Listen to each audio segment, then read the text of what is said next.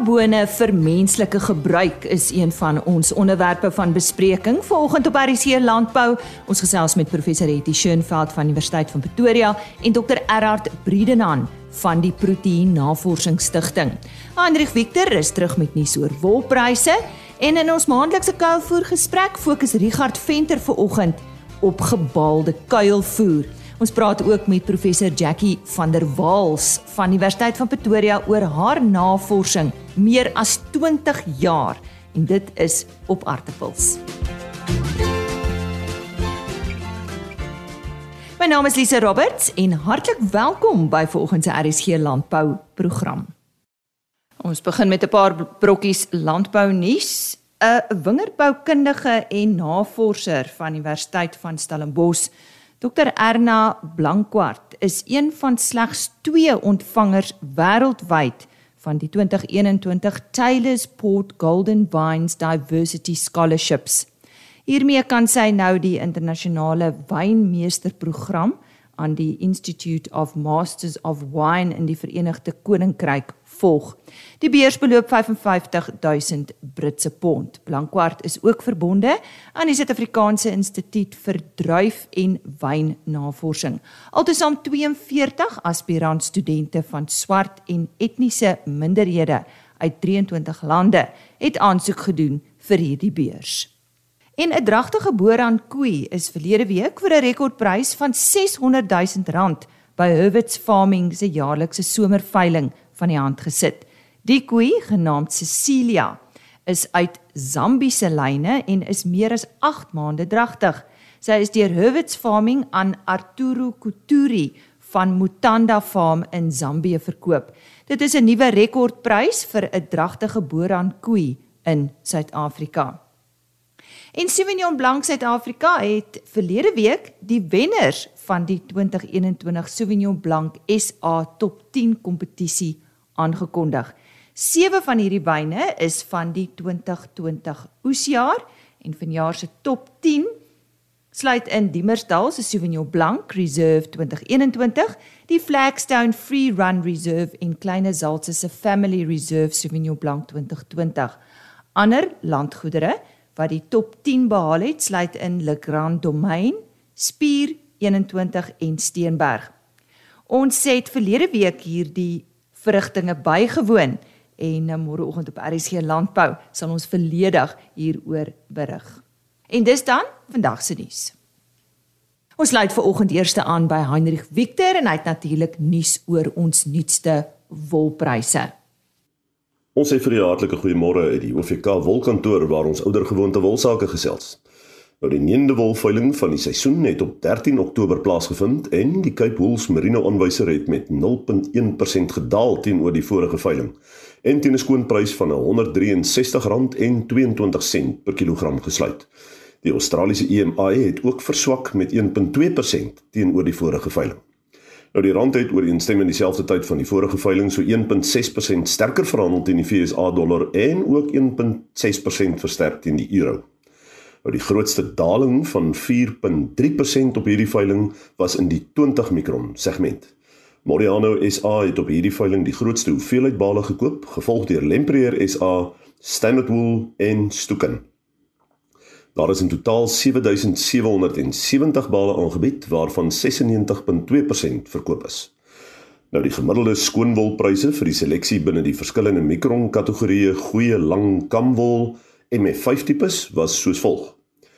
18 mikron daal met 3.1% en sluit teen R240.84 per kilogram. Uh 19 mikron verlaag met 2.8% en sluit teen R200.65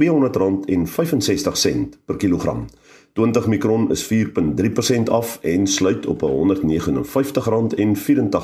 per kilogram. 21 mikron verlangsaam met 3.2% en sluit op R157.09 per kilogram. En dan laastens 22 mikron daal met 3.4% en sluit op R134.60 per kilogram. Nou as ons kyk na uh wat gebeur het oor die algemeen sien ons ten spyte van die verswakking in die Australiese wolmark en die versterking van die rand teenoor die vernaamste geldeenhede, het die Suid-Afrikaanse wolmark steeds 'n relatief goeie vertoning gelewer en sywaarts verhandel. Nou die meerderheid van die aanbieding het bestaan uit fynere merino wol met dieselfde volumes medium en lang wol dan nou, waarvan 36.2% bestaan net uit volhoubaar gesertifiseerde wol. Dit het weer eens gesorg vir gesonde kompetisie tussen kopers, wat bygedra het tot die positiewe vertoning van die mark. Ons nooi weer eens ons produsente uit om te skakel met die makelaar om by te staan in die sertifiseringsproses van RWS. Want na speurbaarheid is 'n tendens van die toekoms wat gekom het om te bly, soos wat ons ook elke week berig. 'n Wol ontvang die makelaar se storie hierdie week is 9% laer vergeleke die ooreenstemmende tyd van die vorige seisoen. En dan laastens, die volgende veiling is geskeduleer vir 20 Oktober waar sowat 8680 bale aangebied sal word. Ons wil ook net uh, ons produsente daaraan herinner Inweeg vir die laaste veiling van 2021 sluit op 3 November. Dit sal dan wees vir katalogus CB16. Dit dan ons storie hierdie week uit die wolkantoor. Tot 'n volgende keer alles wat mooi is. Mooi loop. Isosie Hendrik Victor, hy het berig oor wolpryse wat behaal is by die onlangse veiling daar op Port Elizabeth. Professor Jackie van der Walt is 'n bekende navorser en mede-professor in plantpatologie by die Universiteit van Pretoria maar sy het ook vir Artipels SA baie navorsing gedoen. Ek het onlangs in die ateljee met haar hieroor gesels. Jackie, lekker om jou in die ateljee te hê. Baie dankie. Ja. Nou jy het heelwat navorsingsprojekte op Artipels gedoen en daarop gefokus. 'n Brei so 'n bietjie uit oor hierdie projekte. OK, baie dankie. So my Artipel navorsing kom al van 98 af. Sjoe. Ja, baie lank. Ehm um, my PhD was op Artipels En toe van daar af is ek eintlik baie verlief op die gewas. So van daar af het ek geskuif na klomp verskillende siektes. So ek het op Pictobacterium gewerk met sagte vrot is en swartstam, baie op Rhizoctonia en um Spongospora wat poeierskur veroorsaak. So intussen in 'n paar ander klein projectjies ook. Hmm. Maar ja, die die navorsings um reis was baie interessant. Ek het dit baie geniet. Ek's baie lief vir artikels. Waarskynlik. En watter projek was vir jou die grootste uitdaging? Ek dink die poeierskurf ene, die spongospora ene. Mm -hmm. Die rede daarvoor is dis 'n obligate parasiet wat beteken jy kan hom nie op 'n medium kweek nie. So ons is heeltyd afhanklik van die inoculum wat moet kom van die land af en baie keer is daar nie want dit is dalk 'n goeie seisoen vir die boere so hulle kry nie siekte nie. Mm -hmm. En daar's baie min navorsers wat daarop werk juis omdat dit so moeilik is. So dit is dis ehm, 'n um, uitdaging op daai om op daai net te werk. Maar um, terselfdertyd is dit is dit baie bevredigend om resultate te kry. Hmm. So hmm. ja.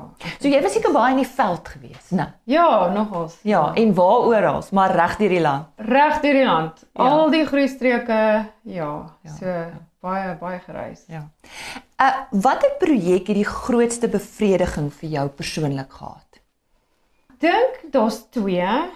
Eintlik is daar 3, maar ehm um, die die Rhizoctonia ene was my baie bevredigend want ons het simptome wat nie oor die algemeen geklassifiseer word met Rhizoctonia het ons bevestig dit is dit word wel deur Rhizoctonia veroorsaak. So dit was die een wat baie bevredigend was.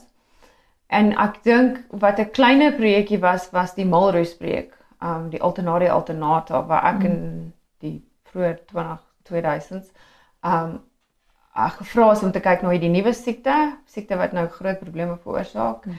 En ons het toe ek en my span het toe bevestig dit word deur Alternaria alternata veroorsaak. So dit was 'n eerste rapport in Suid-Afrika en van toe af kon die navorsing dan voortgaan. So dit was vir my baie bevredigend. En dan net ook die poeierskurf projek, net die feit dat ons goeders kon regkry en vir die boere um raad gee oor die bestuur daarvan was ook hmm. vir my baie bevredigend. Hmm. Jackie nou, soos jy gesê het, jy kom al van 1998 af met hierdie bedryf. Dit is al 'n lang, lang, lang tyd. Baie lank, ja. Klimaatsverandering, het dit enigsins impak gehad die afgelope paar jaar op die siektes waarop jy spesifiek werk? Ja, verseker. Um ons het ons het duidelike verskille gesien in in die voorkoms van die siektes, in die verspreiding van die siektes. Die een wat ek spesifiek sal noem is die Pectobacterium wat swart stam en sagte vrot veroorsaak. So daai het definitief toegeneem want daai spesifieke patogeen soek juis warm en nat toestande. En mm. ons weet mos nou die reënval is nie so reëlmatig soos wat dit altyd was nie en dit kom in sulke buie en dan staan die land baie nat vir lank en dit is dan gunstig vir die patogeen. So ons het ek het verseker gesien dat daar 'n toename is in die Pictobacterium oor die land en reg oor die verskillende groeistreke.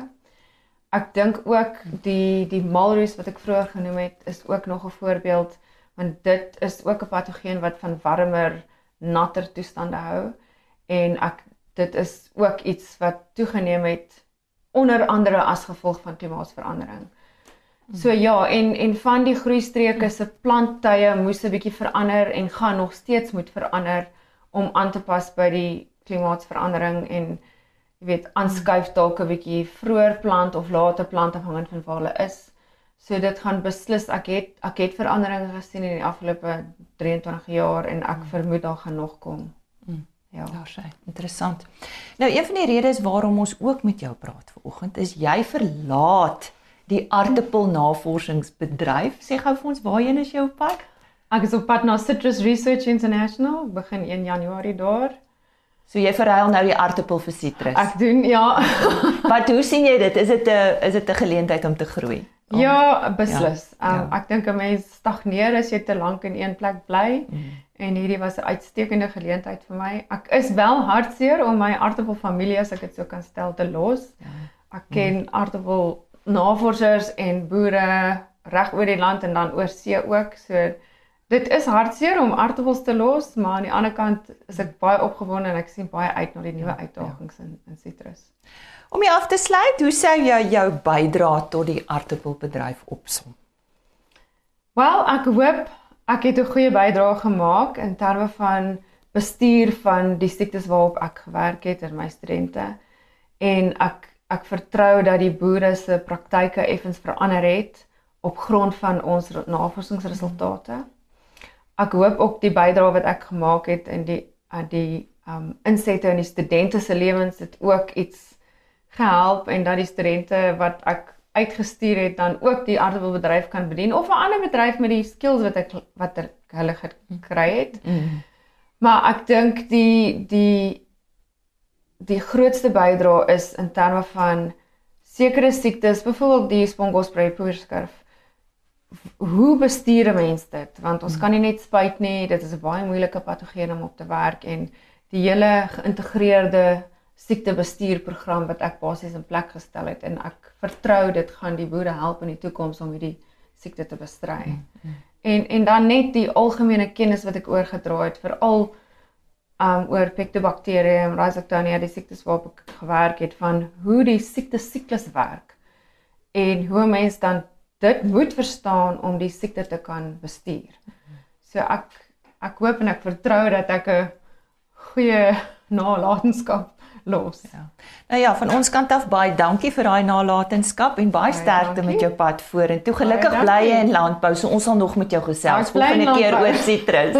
ja, baie dankie. So sê professor Jackie van der Walt, sy is tans nog 'n uh, navorser en mede-professor in uh, plantpatologie by Universiteit van Pretoria. Welkom by ons maandelikse kuilvoer gesprek en soos altyd op die lyn het ek vir Richard Venter van Axi Unlimited. Richard, nou uh, ons het nou deel 4 van 'n reeks wat ons reeds met jou oorgesels het en uh, nommer 4 is gebaalde kuilvoer. Hoekom is dit belangrik dat ons hier oor gesels? Hi Lise, uh, ja, die reeks was die vier gewaskategorieë wat in die Santam Land nasionale kuilvoer kompetisie verteenwoordig is. En gebaalde kuilvoer is dan nou reeds van verlede jaar 2020 ehm um, in die kompetisie as 'n toetskategorie. Ehm um, ons is eintlik maar nog besig om uh, te evalueer hoe ons die verskillende gewasse en gebaalde kuilvoer gaan inkorporeer in die kompetisie. Ehm uh, maar ons het dan nou ook natuurlik 'n wenner gehad verlede jaar in die kategorie en ook weer vanjaar in die agste aanbieding van hierdie nasionale kompetisie was daar 'n klomp inskrywings. So gebaalde kuilvoer is daar natuurlik twee hoofsoorte.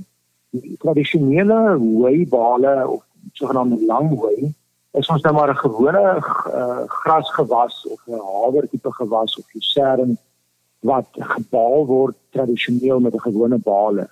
Ons noem dit mos lang hooi want ons tel hom net so op van die windry af en ons baal op. As jy hom nou sou baal in 'n nat toestand, met ander woorde jy laat hom nie uitdroog vir hooi nie en jy draai hom dan toe met plastiek, dan maak jy dan nou kuilvoer van hom. Jy gee hom dan 'n kans om te fermenteer binne in daai baal. So alle bale wat toegedraai is met plastiek is dan basies gebaalde kuilvoer. In Engels noem hulle hom natuurlik haylage. Ons het nie 'n lekker Afrikaanse woord vir haylage nie, maar dit is maar eintlik 'n droë gras tipe ge, gefermenteerde voer of dan nou kuilvoer. Ehm um, die die die eerste tipe soos ek dan genoem het die lang way. Die tweede tipe gebaalde kuilvoer wat al hoe meer aan die toeneem is ook in ons streek is dan nou die die die baal van gekerfde kuilvoer. Nou die boere wat hulle wat hulle meganika ken, sal nou sommer onmiddellik weet dis nie enige baler wat 'n gekerfde materiaal in 'n baalvorm gaan gaan kan saampers nie. So dit is spesiale baalmasjiene hierdie. Hulle word ook gevoer uit 'n ontvangskamer of die die die Engels noem dit mos maar 'n hopper waar ons dan die gekerfde kuilvoer te kuilvoer kerwer uit ingooi en dan baal hy hierdie baal draai hom vas met so twee laag plastiek en wanneer hy uitkom uit die baalkamer uit gaan hy onmiddellik op rapper. Dit is eintlik een beweging, dieselfde masjien draai hom dan toe met die sogenaamde rapper met die plastiek. So voor daai baal kan begin loskom, want dis nou los fyn partikels word hy dan nou toegedraai. Wat dit dan vir ons gee is basies 'n uh, kuilvoerbaal soos ons kuilvoer, mieliekuilvoer, voorsorg om kuilvoer, graskuilvoer, enige soort kuilvoer maar in 'n gekerfde, fyn gekerfde vorm, maar in 'n baalvorm. Die voordele natuurlik is daarvan ooglopend. Ons kan dit uh, ronddry vir vervoer, ons kan handel dryf daarmee. Daar's baie ouens wat nou hierdie kuilvoerwale verkoop. Um, en en en dis dan natuurlik 'n uh, 'n groeiende mark in Suid-Afrika. Die kompetisie verlede jaar se wen gebaalde kuilvoer was 'n Lucerne kuilvoerbaal. Omdat daardie kategorie nog 'n toetskategorie is, uh, laat ons alle gewasse toe en daardie spesifieke lucerne kuilvoer het ongelooflik goed ontleed. Dit was pragtige lucerne kuilvoer met 'n 23,3% riproteïen, dis natuurlik op 'n droëmateriaal basis en 'n 31% droëmateriaal. Die veselvlakke was relatief laag uh, en dit het 'n baie hoë verteerbaarheid gehad. Dit het toe nou daartoe gelei dat verlede jaar se wenbal was 'n lucerne kuilvoer. En hierdie jaar aan die kuilvoer kompetisie waarvan die uitslae eersdaags beskikbaar sal wees, was daar weer 'n verskeidenheid gewasse, gras, mielie, sorghum, lucerne en veldgras saam in die baalde koue kategorie vir vanjaar. Richard baie dankie so sê Richard Venter van XI Unlimited en hy het vandag met ons gesels oor gebaalde kuilvoer. Terwyl ons jou op die lyn het, uh, Richard, jy is opgewonde want die finaal van die Santam Landbou Plaas Media Nasionale Kuilvoer Kompetisie is amper hier. Is ek reg? Dis korrek, Lisa. Ja, ons gaan een van die dae die aankondigings maak.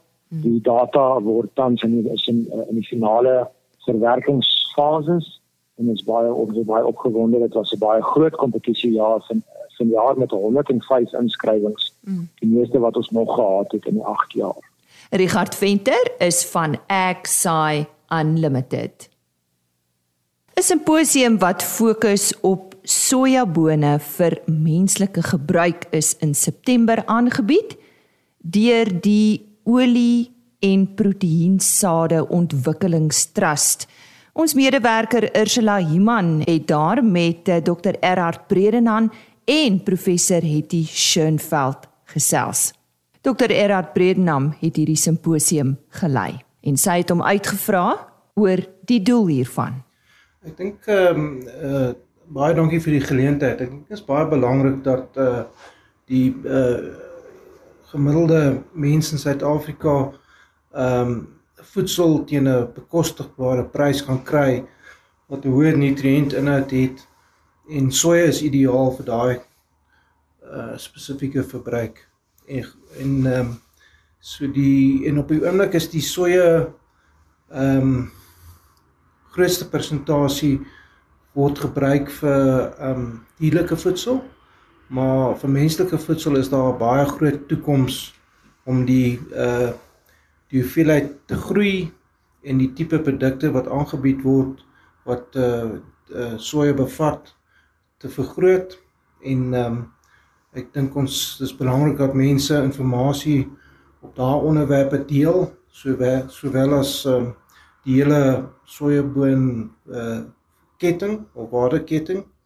Ehm um, en vandag se idee van vandag se simposium hierdie tipe idees uh on mekaar te bespreek en 'n bietjie inligting uit te sit. Ehm um, ons praat oor produksie, die ekon ekonomiese kant van sojabone en dan hoe soja sojabone aangewend kan word in menslike voedsel. En so sê Dr. Erhard Bredenhand. Professor Etty Schönfeld is verbonde aan Universiteit van Pretoria. En sy gaan my vertel van watter sojaprodukte op die mark beskikbaar is vir menslike gebruik. Baie dankie. Um, ek dink heel eerstens moet ons sê dat soja as sulks is nie so gereedelik beskikbaar vir verbruikers nie. Dit is eintlik tot 'n mate 'n 'n 'n opening in die mark wat regtig aangespreek kan word. Ehm um, wat wel gereedelik beskikbaar is, is soja as 'n bestanddeel in 'n wye verskeidenheid van produkte. As ons maar net dink aan iets soos brood, selfs melkpoeier, uh, daar is amper nie meer 'n melkpoeier wat jy op die mark kan kry wat nie soja ook bevat nie. Geprosesede vleisprodukte ehm um, bevat almal 'n groot deel uh van soja is as 'n bestanddeel. Ehm uh, omdat soja sulke ongelooflike eienskappe het soos emulsifisering en uh uh die hoë proteïene inhoud wat dit natuurlik ook bevat. Ons weet dit bevat dit is nie 'n volledige proteïen nie.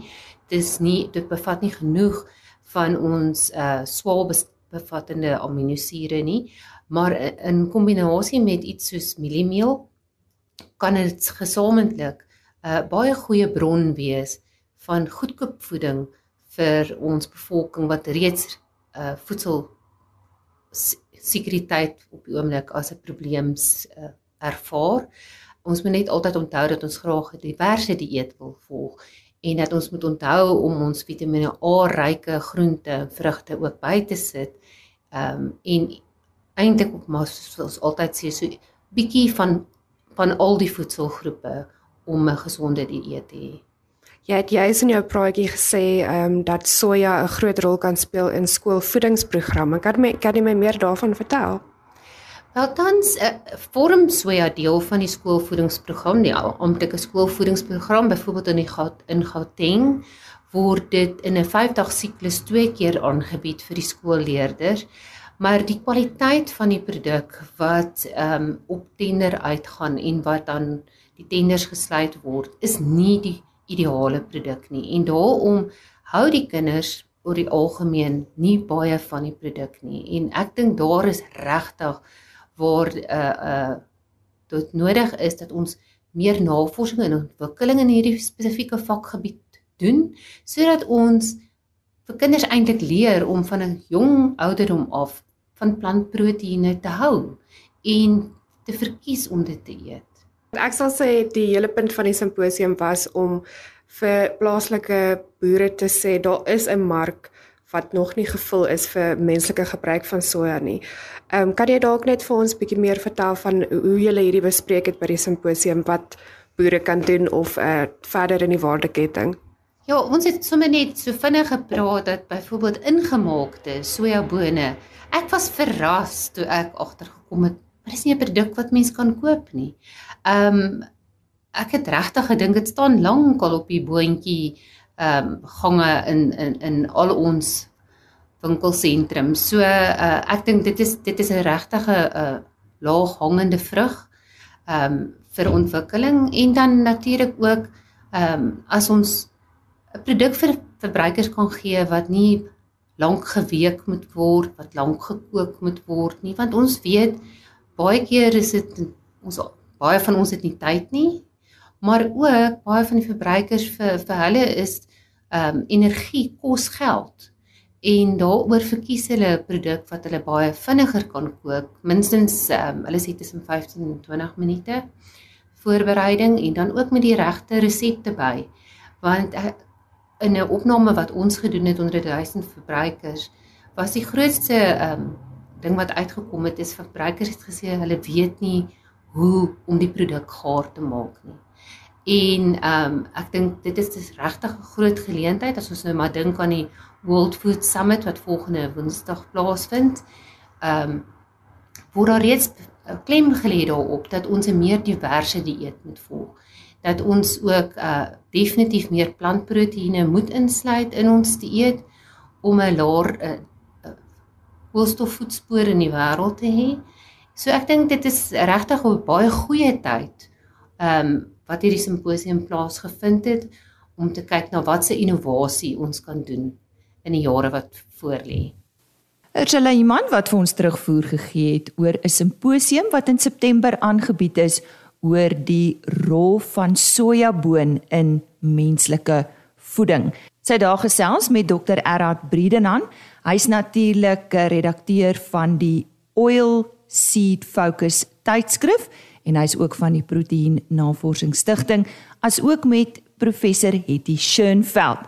Sy is natuurlik 'n bekende in uh, dierewetenskappe aan die Universiteit van Pretoria, maar uh, sy is ook 'n navorser vir die departement wetenskap en tegnologie en die nasionale navorsingsstigting en sy spesialiseer in 'n area wat fokus op voeding en voedselsekerheid.